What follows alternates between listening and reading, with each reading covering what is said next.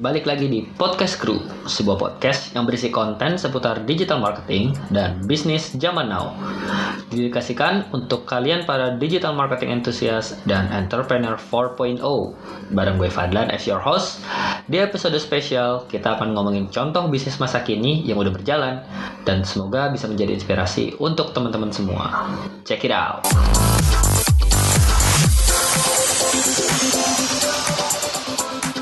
Oke, tidak seperti biasanya, kali ini gue sendiri yang akan sharing ke teman-teman semua. Jadi biasanya kalau gue bahas tentang uh, teman-teman gue, gue mengundang mereka ke podcast ini untuk bercerita tentang bisnis mereka. Tapi di episode spesial kali ini, gue mau mendedikasikan uh, episode kali ini untuk kru dan uh, gue sendiri. Nah, karena ya udah cukup lah uh, gue menjalankan kru ini dan mungkin udah bisa sharing ke teman-teman semua.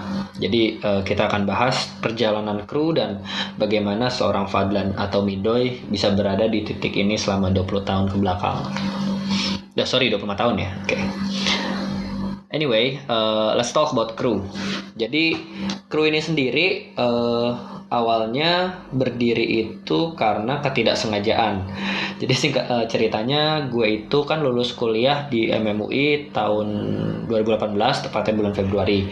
Nah, nggak uh, berapa lama setelah gue di wisuda, gue itu ditawarin sama salah satu unit bisnis di lingkungan UI untuk bantu mereka melakukan kegiatan marketing karena kebetulan uh, mereka melihat uh, tesis yang gue atau tugas akhir yang gue jalankan itu cocok dengan uh, program yang mau mereka bangun untuk uh, unit bisnisnya. Nah, long story short, uh, gue melakukan sebulan dua bulan gue coba uh, menjadi konsultan mereka, kemudian akhirnya uh, sampai ke bantuin juga eksekusi. Dan singkat cerita kalau nggak salah sih di tahun di bulan keempat kelima itu kita evaluasi dan ternyata hasilnya over expected. Ya uh, syukur kepada Tuhan uh, dibantuin dan akhirnya bisa memberikan result yang uh, baik. Dan dari sini ternyata dibukakan kesempatan dan melebar untuk bantuin unit-unit bisnis yang lain gitu. Kebetulan orang yang minta gue ini dia juga punya uh, kepentingan di uh, field yang lain atau di bisnis yang lain dan ya udah karena um, berdasarkan referensi dan melihat kapasitas gue uh, dan tim uh, tentunya dan ya udah mereka minta tolong ke gue dan uh, merekomendasikan juga ke teman-temannya Nah itu berjalan selama hampir setahun dan sampai akhirnya di awal-awal Feb di awal tahun 2019 itu kayak ada diskusi gitu sih uh, gue sama tim gue dan juga uh, dapat masukan dari klien-klien gue yang bilang Uh, kayaknya udah cukup deh untuk uh, menjalankan ini sebagai seorang freelancer. Nah, kenapa nggak dijadiin bisnis aja yang serius? Kan bisa scale up lebih besar kalau misalkan lu came up as a brand gitu. Terus setelah discuss, ya udah akhirnya di Februari tahun 2019, tepatnya satu tahun setelah gue ditawarin uh, sama unit bisnis ini, gue decide untuk uh, jadiin bisnis yang serius uh, dan akhirnya lahirlah kru pada ta pada tahun 2019 tepatnya di bulan Februari. Nah, uh, kru ini sendiri uh, gimana proses berdirinya itu sebetulnya memanfaatkan dari program pemerintah di DKI Jakarta ada salah satu program yang apa ya program janji uh, salah satu calon yang jadi gubernur saat ini. Kemudian uh, gue memanfaatkan program itu untuk mendapatkan akses uh, terutama terkait birokrasi dan juga uh, legalitas usaha. Dan gak berapa lama setelah uh, bulan Februari itu gue secara sah menjadi uh, sorry gue kru secara sah menjadi bisnis yang legal dengan gue sebagai foundernya gitu. Nah, terus uh, singkat cerita setelah uh, gue mengurusi pelegalan ini, mulai deh tuh gue uh, mencoba mencari tim yang bener-bener memang uh, didedikasikan untuk kru ini gitu. Awalnya gue narik-narik dari mahasiswa-mahasiswa, junior-junior gue ya, gue jual mimpi lah istilahnya gitu. Terus uh, long story short, akhirnya gue bongkar pasang dengan para mahasiswa sampai akhirnya nemu yang cocok hingga sekarang. Uh, akhirnya bantu full di gue dan terus sambil berjalannya waktu uh, gue ngerasa nggak cukup nih kalau kita mengandalkan dari mahasiswa aja karena mereka kan pasti juga experience-nya nggak nggak sebagus atau nggak sebanyak orang yang sudah punya pengalaman atau uh, bekerja full time gitu akhirnya gue menggandeng partner. Karena kebetulan kru juga belum ada budget untuk meng-hire karyawan full time saat itu. Jadi akhirnya kita menggandeng partner. Nah, eh, partner ini sendiri berasal dari berbagai industri sih, ada yang dan konsentrasi gitu. Ada yang spesialisasinya di bidang SEO, kemudian ada yang spesialisasinya di bidang web developer, even uh, untuk masalah uh, desain dari konten sendiri kita menggandeng partner gitu. Karena waktu itu kebetulan uh, budget belum ada dan gue cukup banyak networking atau teman-teman gue punya banyak bisnis yang berkaitan dengan hal-hal yang bisa membantu kru. Ya ya udah kenapa nggak dimanfaatin aja nah jadi uh, dari situ akhirnya uh, ternyata itu membuka peluang untuk kru untuk bisa uh, apa ya expand dan bikin produk lain yang lebih banyak atau service lain yang lebih banyak.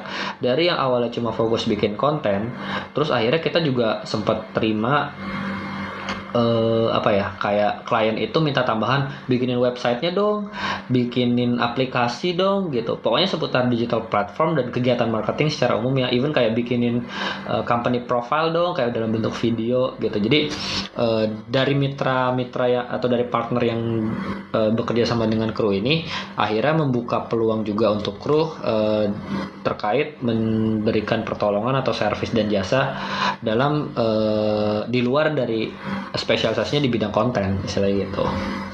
Jadi itu e, berjalan sampai dengan sekarang. Nah terus e, poin kedua adalah kenapa akhirnya gue berani ngejalanin kru?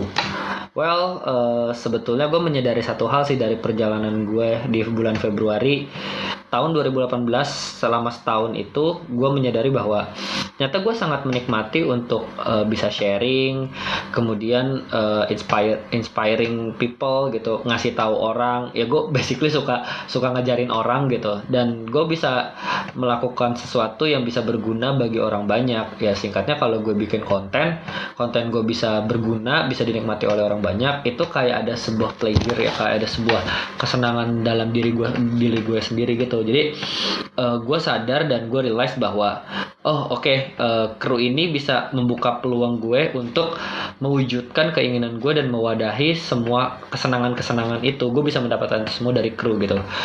Dan selain itu juga karena kita berbicara bisnis gue melihat opportunity bahwa belum ada uh, bisnis di industri ini terkait dengan digital marketing yang kayaknya menyasar fokusnya tuh ke NGO NGO tuh um, non ya pokoknya semacam non-profit organization, government organization, dan juga bisnis-bisnis yang berisikan orang-orang awam yang belum tentu tuh, yang belum terlalu sorry memanfaatkan digital platform. Akhirnya intinya kayak bagaimana kita menyasar uh, target market kita yang nggak terlalu mengerti dan sebelumnya nggak kepikiran untuk pakai digital platform dan kita menyasar itu. Dan karena belum terlalu banyak pemain yang menyasar target market itu jadi ya uh, syukur uh, kita bisa uh, sustain sampai sekarang gitu jadi itu uh, dua alasan yang paling utama kenapa akhirnya gue memutuskan untuk jalanin kru ini. Nah dalam perjalanannya pasti dong ada suka duka dalam uh, perjalanan kru selama satu uh, hampir setengah tahun ya hampir setengah tahun ke belakang. Nah ini juga terkait dengan dengan uh, keputusan gue untuk menjadi seorang entrepreneur dan tidak menjadi seorang karyawan gitu. Nanti gue akan cerita tentang perjalanan gue juga. But anyway, uh, suka duka dalam ngejalanin kru ini sendiri. Mungkin kita bicara masalah dukanya dulu ya. Yang pertama pasti ya banyak underestimate lah. Even dari diri gue sendiri karena uh, sampai beberapa bulan kemarin pada saat awal-awal berjalannya kru gue tuh masih kayak belum yakin even sampai gue cerita ke orang-orang terdekat gue gue gue kayak nanya kira-kira kru ini bakal berkembang nggak ya? Kira-kira ini bisa uh, beneran jadi profesi yang bisa menghidupi gue nggak ya gitu? Atau gue bisa menginspiring orang banyak nggak ya? Itu kayak pertanyaan-pertanyaan itu uh, dulu-dulu tuh masih masih sering ada muncul di pikiran gue gitu. Tapi uh, pada akhirnya ya perlahan-lahan gue masih bisa bisa meyakinkan diri gue dan akhirnya bisa meyakinkan tim dan juga orang lain bahwa oke okay, kalau misalkan kita sudah total kalau misalkan kita do the best pasti at least ada resultnya kok. Gitu kemudian pasti juga spend time and effort um, dulu yang gue pikir bahwa entrepreneur tuh enak karena bisa punya banyak karyawan jadi kita nggak perlu ngerjain ini itu. Tapi pada ternyata menjadi seorang uh, apa CEO uh, CEO itu gue kira kan chief of uh, executive officer tapi nyata E-nya itu jadi everything karena ya lu harus ngerjain semua lu harus bangun sistem semuanya apalagi dengan dengan kru yang awalnya tuh gue berjalan sendirian uh, ya gue harus bener-bener uh, spend time sama effort gue gue kerja 24 jam selain tidur lah pokoknya selain tidur gue tuh bener-bener mencurahkan semua isi pikiran gue dan tenaga gue untuk kru. Even pas liburan even pas apa ya ya pas libur lebaran lah libur natal libur tahun baru ya gue tetap kerja gitu. Dan orang-orang terdekat gue tahu akan hal ini dan ya banyak yang protes sih. Tapi ya anyway kalau emang mau sukses ya you have to sacrifice uh, something gitu dan yang terakhir uh, ini juga sambil perjalanan gue selama setengah tahun bersama kru ini ya banyak gue belajar banyak mengenai cara mengambil keputusan dan bagaimana uh, konsekuensi dari sebuah keputusan itu. Karena beberapa kali gue kadang salah ambil keputusan terutama terkait dengan agreement-agreement dan uh, apa ya terkait dengan kontrak gitu. Jadi banyak banget agreement yang sedikit merugikan gue uh, dan kru. Kemudian juga banyak hal-hal yang ternyata gue gua nggak kepikiran padahal itu harus diurusin. Ya terkait legalisasi kemudian terkait persyaratan pajak ini itu pelaporan dan lain-lainnya. Nah gue gua gua belajar banyak hal itu dan uh, itu kadang jadi menghambat gue karena uh, di di sini gue juga selain mendirikan bisnis ini gue juga masih terlibat dalam membuat konten. Sedangkan uh, buat gue membuat konten itu juga harus uh, kondusif uh, diri gue. Dalam artian nggak boleh terdistract nggak boleh terkena pressure kalau mau menghasilkan konten yang berkualitas. Ya gitu. Itu yang sih gue tahu. Nah tapi dibalik semua uh, kesulitan itu dibalik semua duka itu uh, gue menemukan banyak hal yang membuat gue nyaman dan sampai sekarang gue masih bisa bertahan dengan kru ini. Yang pertama gue banyak banget punya network dari uh, klien atau dari hal-hal yang gue lakukan dengan kru. Gitu gue bisa uh, di DM sama orang yang gue nggak kenal yang bilang uh, nanya-nanya konsultasi ke gue dan gue sangat nyaman dengan hal itu.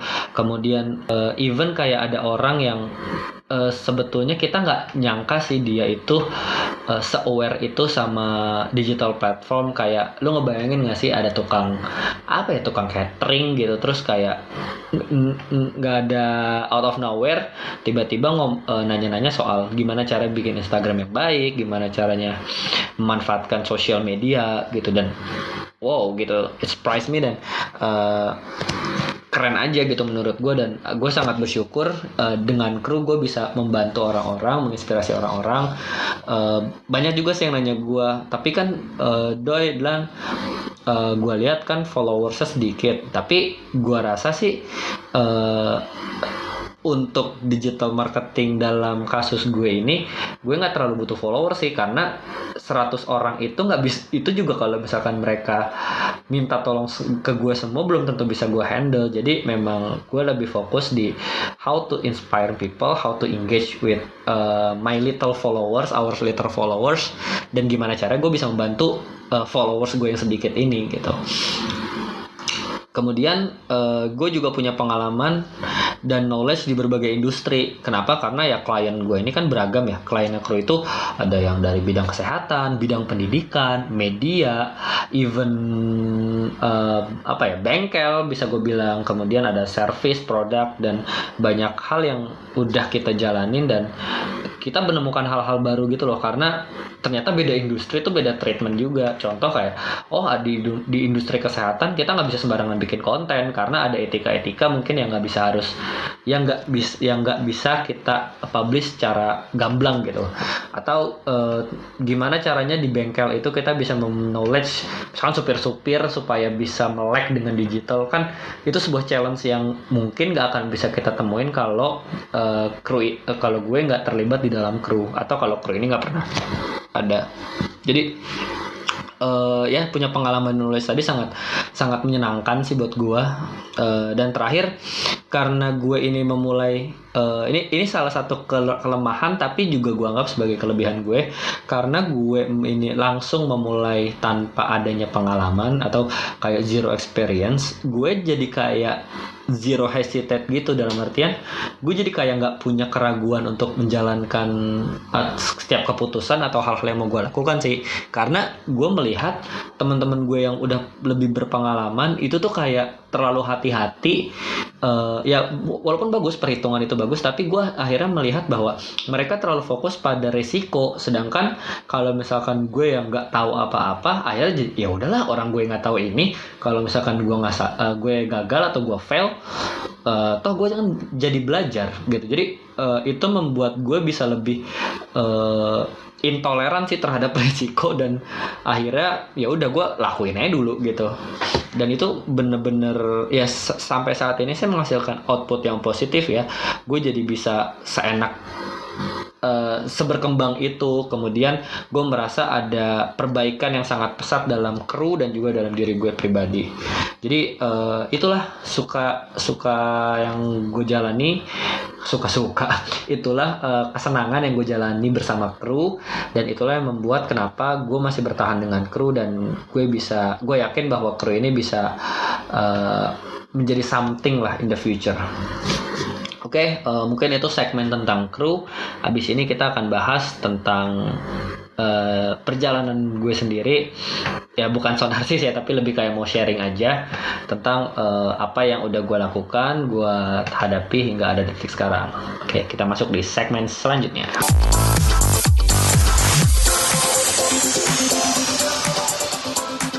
Oke, okay, segmen selanjutnya gue akan bercerita tentang diri gue sendiri. Jadi kalau tadi gue bercerita banyak tentang kru, gue mungkin sharing tentang perjalanan seorang Fadlan Hamidi selama 26 tahun uh, ke belakang. Kebetulan usia gue 26 tahun. Uh, ya mungkin ada yang ngomong, eh lu siapa doi? Ya gue bukan siapa-siapa tapi at least mungkin cerita gue bisa menginspirasi atau ada yang relate sama gue dan siapa tahu bisa menginspirasi mereka ya nggak jadi oke okay, langsung mulai aja gue mulai dari perjalanan seorang Fadlan Hamidi hingga berada di titik saat ini Oke, mungkin gue cerita dulu. Jadi waktu itu gue kuliah uh, eh, S1 di UI, gue ambil FISIP. Kemudian singkat cerita gue lulus tahun 2015. Uh, gue masuk tahun 2011 dan gue lulus tahun 2015 dan di saat itu gue langsung uh, bergabung dengan salah satu perusahaan FMCG uh, cukup terkenal dan cukup besar dan gue di sana kebetulan uh, cross uh, apa ya cross concentration atau cross interest. Jadi gue tidak melakukan hal yang gue pelajari di kuliah. Gue kuliah ambil marketing gue di sana uh, bertindak sebagai uh, operational atau procurement lah istilahnya yang ngurusin kontrak-kontrak dan sifatnya lebih administratif. Dan mungkin karena karena nggak cocok dengan kerjaan itu yang uh, gue sangat amat suka berinteraksi sama orang. Gue orangnya suka ke mana-mana hahaha jadi ketika gue berada di uh, kondisi yang statis uh, kerjanya gitu-gitu doang uh, akhirnya gue nggak perform dan gue realize akan hal itu daripada gue semakin mem, apa ya membuat citra gue buruk dan juga merugikan perusahaan FMCG tersebut akhirnya gue resign.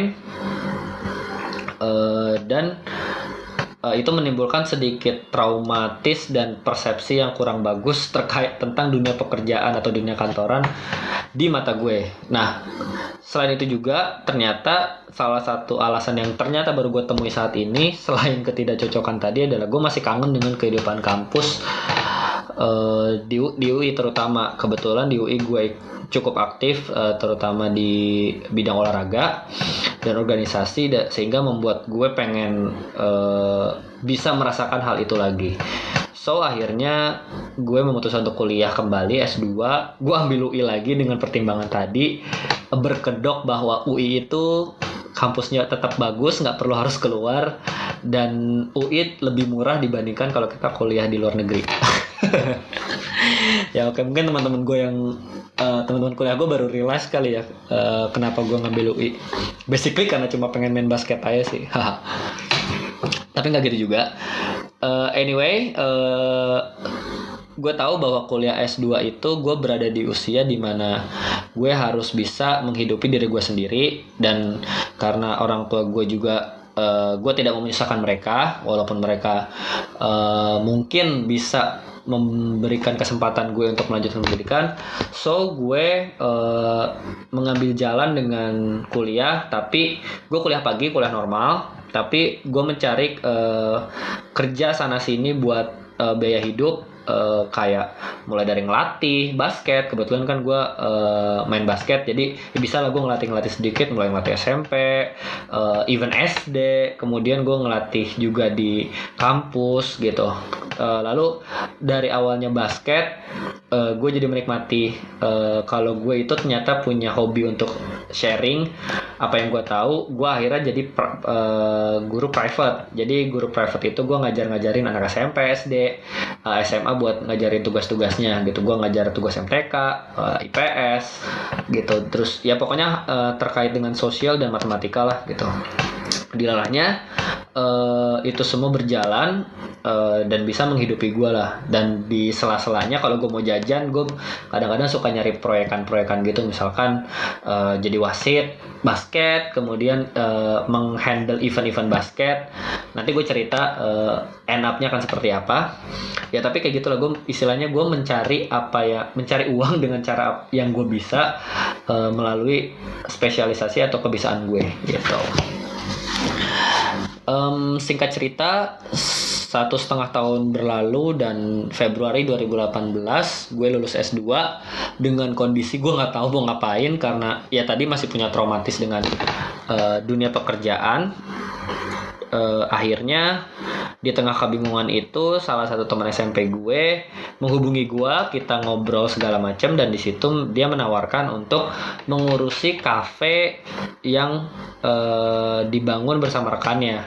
Singkat cerita kita membuat sebuah agreement dan akhirnya kita bertiga menjadi co-founder. Tapi gue di sana tidak spend anything karena gue tidak punya anything um, tidak punya anything um, jadi ya udah gue fokus jadi jaga gawang gue buka kafe. Cukup bagus uh, berjalan ya 3-4 bulan tapi karena adanya perbedaan visi dan misi ke depannya akhirnya gue minta izin sama temen gue untuk cabut. Uh, dan di saat yang bersamaan itu juga terkait dengan uh, diminta tolong sama salah satu unit bisnis di UI tadi yang akhirnya menjadi kru. Gitu. Nah uh, jadi uh, gue ketemu sama orang tadi dan akhirnya menjadi sampai sekarang. Dan sejauh ini selain dengan kru gue juga masih tetap ngajar di kampus uh, jadi dosen. Jadi nggak cuma sekedar uh, guru private aja sekarang tapi gue juga masih privatein anak-anak sekolahan. Karena gue menemukan kenyamanan aja sih uh, dan apa ya jadi kayak refreshing mood aja kayak uh, bisa bisa inspiring bisa bantu mereka untuk semangat belajar gitu. Terus juga saat ini juga mau build bisnis uh, kedua yaitu event sport management. Uh, sport event management sorry Inggrisnya ngaco. Namanya improve uh, improve management.id sebuah uh, sport event management agency yang bergerak di bidang uh, olahraga tentunya. Dan soon juga gue bakal bantu bisnis keluarga gue karena kebetulan kakak-kakak gue ini punya bisnis ada catering, ada minuman tradisional, ada butik dan semuanya masih berjalan secara primordial. Jadi gue mau bantulah istilahnya balas budi ke mereka dengan going digital gitu. Nah, itulah sekilas perjalanan gue hingga di detik ini dengan segala apa ya ups and downnya lah gitu. Nah dari dari cerita-cerita tadi gue mau cerit uh, mau sharing tentang masalah-masalah apa sih yang mau yang udah gue hadapi. Jadi uh, ada tiga hal sih yang paling utama dari perjalanan gue hingga detik ini. Masalah pertama itu yang pasti adalah orang-orang terdekat gue itu menuntut hal yang berbeda dengan apa yang mau gue cari saat ini. Mungkin uh, teman-teman juga punya relatable akan hal ini di mana biasanya kan kita yang masih generasi-generasi 20 tahunan ke 20 tahun ke atas gitu pengennya idealis kayak gue gue tuh mau ngejalanin uh, hidup gue sesuai dengan passion gue gue mau berkarir sesuai dengan apa yang gue mau. Sementara orang-orang terdekat kita tuh lebih bersikap realistis dalam artian ya lu tetap butuh duit lu tetap uh, harus mikirin masa depan lu buat uh, istri lu buat anak-anak lu. Uh, lu nggak bisa bayar rumah atau nyicil rumah pakai passion. Lu nggak bisa minum pakai passion atau makan pakai passion gitu. Jadi ya karena perbedaan hal itu uh, sometimes gue suka cekcok sama orang-orang terdekat gue. Even kayak uh, sempat juga jadi depresi hampir menyerah dengan bisnis gue akibat pengaruh dari hal-hal tadi. Tapi in the end gue bisa overcome hal itu dan ya udah uh, tetap bertahan sampai sekarang Kemudian masalah kedua itu adalah mencari orang-orang yang bisa diajak untuk ngebesarin bisnis ini sendiri dalam hal ini kru.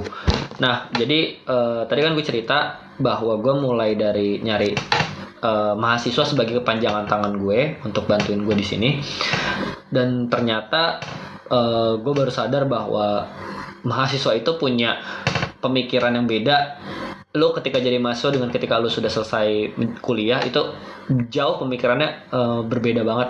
Dan itu yang gue temui sehingga ya gue sering gonta ganti uh, anak buah lah istilahnya. Shout buat um, teman-teman kru, adik-adik kru yang udah bantuin kru sampai saat ini, makasih banget. Uh, ini bukan soal kinerjanya mereka itu jelek atau kinerja kalian jelek ya kalau gue ngomong kalian, tapi lebih ke masalah fit table aja sih karena ya sebaik-baiknya orang kan kita harus cari yang cocok sama kita ya. Kalau visi sama misinya beda akan lebih sulit untuk ngegedein kru.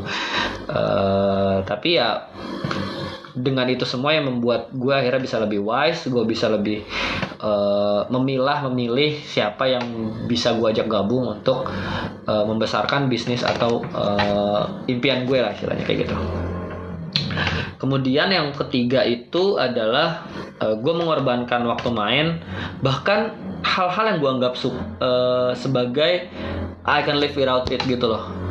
Ya untuk bisnis atau untuk kru ini gitu gue dulu bisa hampir setiap hari itu pasti olahraga.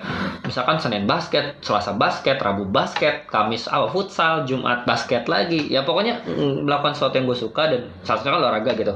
E, ngeband lah segala macam. Dan gue tuh mengorbankan waktu itu semua even kumpul sama temen-temen gue even untuk olahraga basket itu ya untuk kru ini gitu. Gue dulu gue nggak bisa gue dulu merasa menyesal kalau gue sehari itu nggak basketan sama sekali. Terus sekarang kayak gue ada di posisi di mana seminggu nggak basketan ya udah kita mau gimana?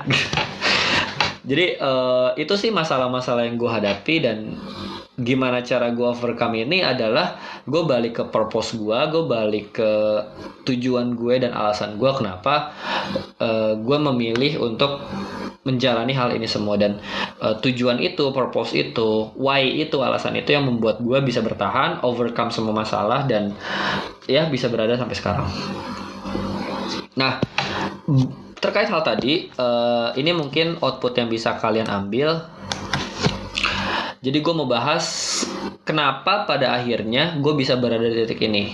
Menurut gue ada tiga hal. Yang pertama adalah gue tahu why dan purpose gue yang tadi gue bilang. Jadi gue gue tahu alasan gue dan apa yang gue cari di hidup ini. Pertama gue suka banget sharing. Gitu gue gue realize gue suka banget sharing.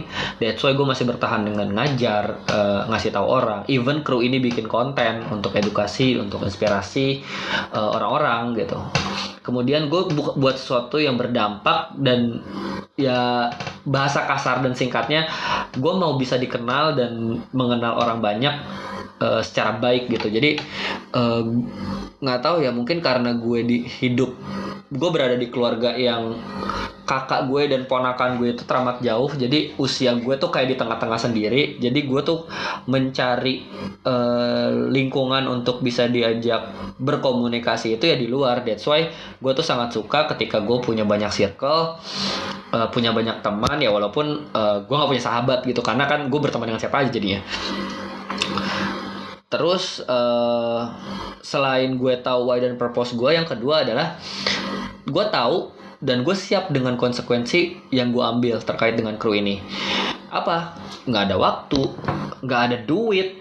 Ya you know lah kalau bangun bisnis tuh apalagi startup ya pasti kerjanya tuh ya lu spend time energy tapi ya mungkin feedbacknya nggak seberapa gitu. Kemudian capek pasti karena lu harus mikirin uh, 24 jam tujuh hari seminggu gitu. Dan yang pasti ya tadi di underestimate sama orang-orang kayak ya lah boy lu udah bisnis udah ngeluarin semua tenaga capek pikiran. Gitu-gitu aja nggak nggak ada hasilnya. Lu belum bisa beli mobil belum bisa nyicil rumah gitu. Ya ya udah tapi uh, gue tahu itu konsekuensi yang harus gue ambil dan gue sadar kalau gue bisa bertahan dengan hal ini dan bisa tetap konsisten pasti akan ya God never sleep kok gitu. Jadi Tuhan pasti akan ngasih balasannya kalau misalnya kita memang total dan serius asal tujuannya baik. Dan yang terakhir yang membuat gue bertahan adalah gue mendingan gue nyoba tapi gagal gitu. Daripada gue gagal untuk mencoba gitu. Ini awalnya berawal dari ketika gue main basket gue lebih suka ngambil uh, role role penting misalkan kayak uh, last shot gitu uh, tembakan penentuan istilahnya kalau misalnya kita bicara olahraga ya. Atau uh, gue uh, mencoba untuk jadi kapten atau gue mencoba untuk ngambil role role penting daripada gue tuh penasaran gimana ya kalau misalnya gue ngambil last shot gitu gimana ya kalau misalkan gue nggak jadi ini gimana kalau gue misalnya jadi itu. Akhirnya ya udah itu yang mendrive gue untuk uh, bisa mempunyai sifat udah aku cobain dulu aja. Toh kalau gagal gagalnya buat gue gitu. Gagalnya buat gue orang juga ngeblame ke gue nggak ke orang lain. Gue gak terlalu ngerugiin orang lain. Daripada gue gagal untuk mencoba yang akhirnya gue jadi ngejulit atau gue malah menyalahkan diri gue sendiri jadi itu sih tiga alasan kenapa gue bisa berada di titik ini dan mungkin itu yang bisa menjadi uh, apa ya, insight buat kalian semua supaya ya mungkin ada sesuatu yang bisa kalian ambil dari obrolan gue yang cukup panjang dan mungkin membosankan ini. Yeah, but anyway, um, itu aja yang mau gue bahas di segmen kedua tentang diri gue. Ada di segmen ketiga mungkin akan lebih ke insight-insightnya. Jadi buat kalian yang mau masih mau dengerin, uh, langsung aja lanjut ke segmen 3.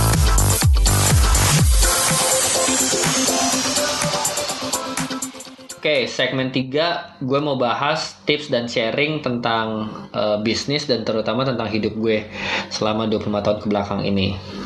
Jadi singkat aja ada dua hal yang mau gue sharing. Yang pertama uh, terkait dengan sebuah quotes yang berbunyi do everything not for people but for your purpose. Gue dapet ini dari salah satu seminar uh, yang ngomong salah satu orang di uh, perusahaan taksi terkemuka di Indonesia. Jadi even lu karyawan, bisnis, freelance, guru atau apa pun, lu jangan pernah ngelakuin itu tuh untuk per, uh, orang lain. Lu jangan pernah ngelakuin itu for the sake of uh, eh, ABS, asal bapak senang gitu atau untuk perusahaan. Tapi ya lu lakuin itu karena itu untuk purpose lu. Lu senang ngelakuin itu, lu yakin kalau lu melakukan itu itu bisa membuat uh, peningkatan dalam diri lu dan uh, itu bisa membuat lu menjadi lebih baik gitu. Yang kedua, cari tahu why lu cari tahu tujuan hidup lu dan cari tahu kita mau dikenang sebagai apa. Jadi uh, kenapa lu harus tahu? Karena ketika lu bisa tahu alasan lu ketika lu tahu goals dan juga lu mau dikenang sebagai apa lu akhirnya bisa melakukan tindakan sesuai dengan uh, alasan-alasan ini gitu sesuai dengan poin-poin ini. Jadi uh, lu bisa tuh melakukan do everything not for people but for your purpose dengan cara cari tahu why, cari tahu tujuan hidup lu dan cari tahu lu mau dikenang sebagai apa. Oke, okay. tips terakhir atau quotes terakhir, life is all about helping people. Jadi hidup adalah tentang bagaimana kita memberikan uh, sesuatu, memberikan manfaat bagi orang lain pada intinya berbuat baik itu nggak akan buat kita rugi kok. Sumpah beneran. Gue mengalami hal ini dan teman-teman gue dan gue melihat dengan kepala mata gue sendiri kalau nggak ada yang salah dengan ketika lu berbuat baik gitu. Tadi gue pernah bilang bahwa God never sleep ya karena ketika lu berbuat baik itu sebetulnya lu nolongin diri lu sendiri. Lu nolongin perasaan dan mental lu. Karena dari pengalaman gue ya ketika lu berbuat baik kepada orang satu-satunya yang lu rasain adalah perasaan lu seneng, lu bangga sama diri lu dan uh, apa ya itu bisa mengurangi atau menghilangkan perasaan-perasaan bersalah yang lu hadapi gitu loh. Jadi misalkan lu merasa bersalah, ya lu apa kayak sedekah kayak gitu. Misalkan lu merasa depresi, bete, nggak usah kayak lu mabok atau minum, ya lu sedekah aja. Lu habis sedekah, pasti perasaan bersalah nggak enak itu akan hilang. Jadi dengan lu nolong, lu sebetulnya tuh uh, nolongin perasaan atau mental lu kayak mental reliefness gitulah. Kemudian lu nolongin diri lu di masa depan kayak tadi uh, sesuatu yang apa yang lu tabur itu yang akan lu tuai. Jadi ketika lu berbuat baik kebaikan itu akan berbalik kepada diri lu sendiri. Even, uh, mungkin di saat ini atau di kemudian hari.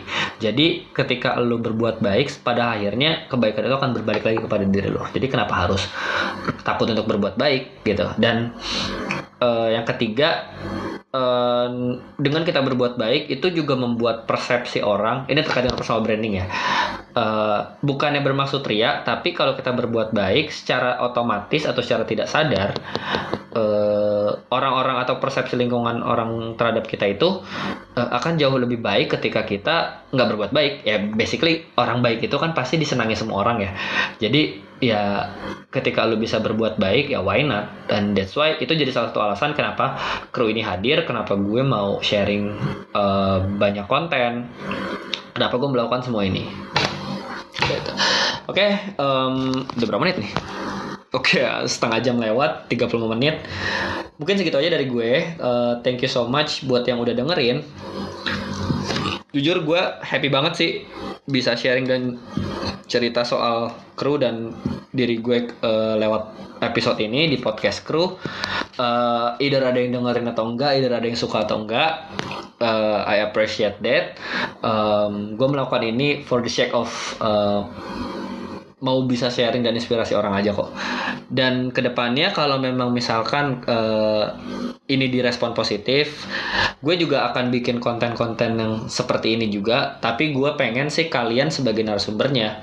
So kalau misalkan kalian ada pertanyaan, ada hal yang mau diceritain atau diskusi seputar perjalanan bisnis lo mungkin uh, supaya bisa menginspirasi orang lain, lo bisa banget email ke podcast crew di info at digitalcrew.id atau uh, lu bisa juga uh, eh, DM di Instagramnya crew di digitalcrew.id.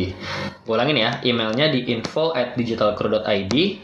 Crewnya tuh K R E W ya, atau uh, bisa juga di uh, Instagram di digitalcrew.id. Disambung semua. Oke, okay, itu aja dari gue. Uh, thank you so much buat yang udah dengerin. Sekali lagi, uh, last but not least, uh, tetap uh, fokus dengan tujuan lo, tetap jadi orang lebih baik dan keep inspiring. Gue Fadlan dan gue cabut. Bye bye.